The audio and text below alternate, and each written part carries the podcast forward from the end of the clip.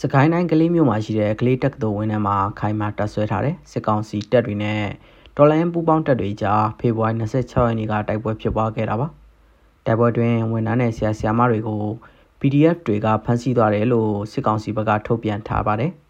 ဒါပေမဲ့လည်းစစ်ကောင်စီကဝန်ထမ်းနဲ့ចောင်းသားတွေကိုအကာအကွယ်ယူပြီးတိုက်ပွဲဆင်နွှဲတာကြောင့်ကဲထုတ်ခဲ့တာဖြစ်ပြီး စုစုပေါင်း140ကျော်ကိုပေးလို့ရကဲထုတ်ပေးထားတာဖြစ်တယ်လို့အမျိုးသားညီညွတ်ရေးအစိုးရကာကွယ်ဝင်ကြီးဌာနဒုတိယအတွင်းကပြောပါတယ်အကြမ်းဖက်စစ်ကောင်စီရဲ့စစ်တပ်တွေအနေနဲ့က public area တွေတာနိုင်ကအထောက်အဆောက်အဦတွေကျောင်းတွေမှာဒါအများအားဖြင့်သူတို့ကအခိုင်အမာတက်ဆွဲပြီးတော့နေရာယူလေးရှိပါတယ်ကလေးမှာလည်းဒီကလေးတက္ကသိုလ်ဝင်းတွေက30ဆောင်မှာအခိုင်အမာကိုဘန်ကားတွေဆောက်ပြီးတော့နေရာယူထားပါတယ်ဆိုတော့မနေ့က ကျွန်တော်ပြည်သူ့ကောင်ရေးအဖွဲ့တွေနဲ့ထိတွေ့တိုက်ပွဲဖြစ်တယ်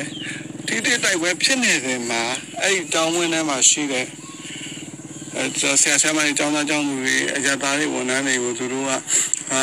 ဟိုကားလာယူပြီးတော့ဒါတိုက်ပွဲတွေဆင်နွှဲလာတာရှိပါတယ်။အဲဒါကြောင့်ကျွန်တော်တို့ပြည်သူ့ကာကွယ်ရေးအဖွဲ့တွေကကဲထုတ်လို့ရသမျှဆရာဆရာမတွေ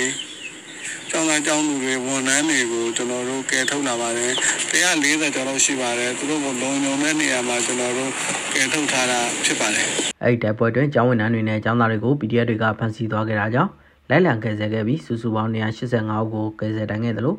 ကျန်တဲ့သူတွေကိုလည်းကယ်ဆယ်နိုင်ဖို့စုံစမ်းနေတယ်လို့စစ်ကောင်စီပြောခွင့်ရဗိုလ်ချုပ်စောမင်းထွန်းကစစ်တပ်ပိုင်းမီဒီယာကတစင်ပြောဆိုထားတာဖြစ်ပါတယ်။ NUG ကာကွယ်ရေးဝန်ကြီးဌာနကတော့ဒီပြောဆိုချက်တွေကပြောင်းပြန်ပြောဆိုနေတာလို့ဆိုပါတယ်။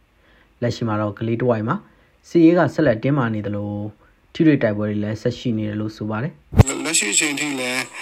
ဒါကျွန်တော်တို့ထိတွေ့တိုက်ပွဲတွေဖြစ်နေစဲပါပဲတိုက်ပွဲတွင်စစ်ကောင်စီဘက်ကလက်နက်ကြီးနဲ့လေကြောင်းတိုက်ခိုက်မှုတွေရှိနေပြီး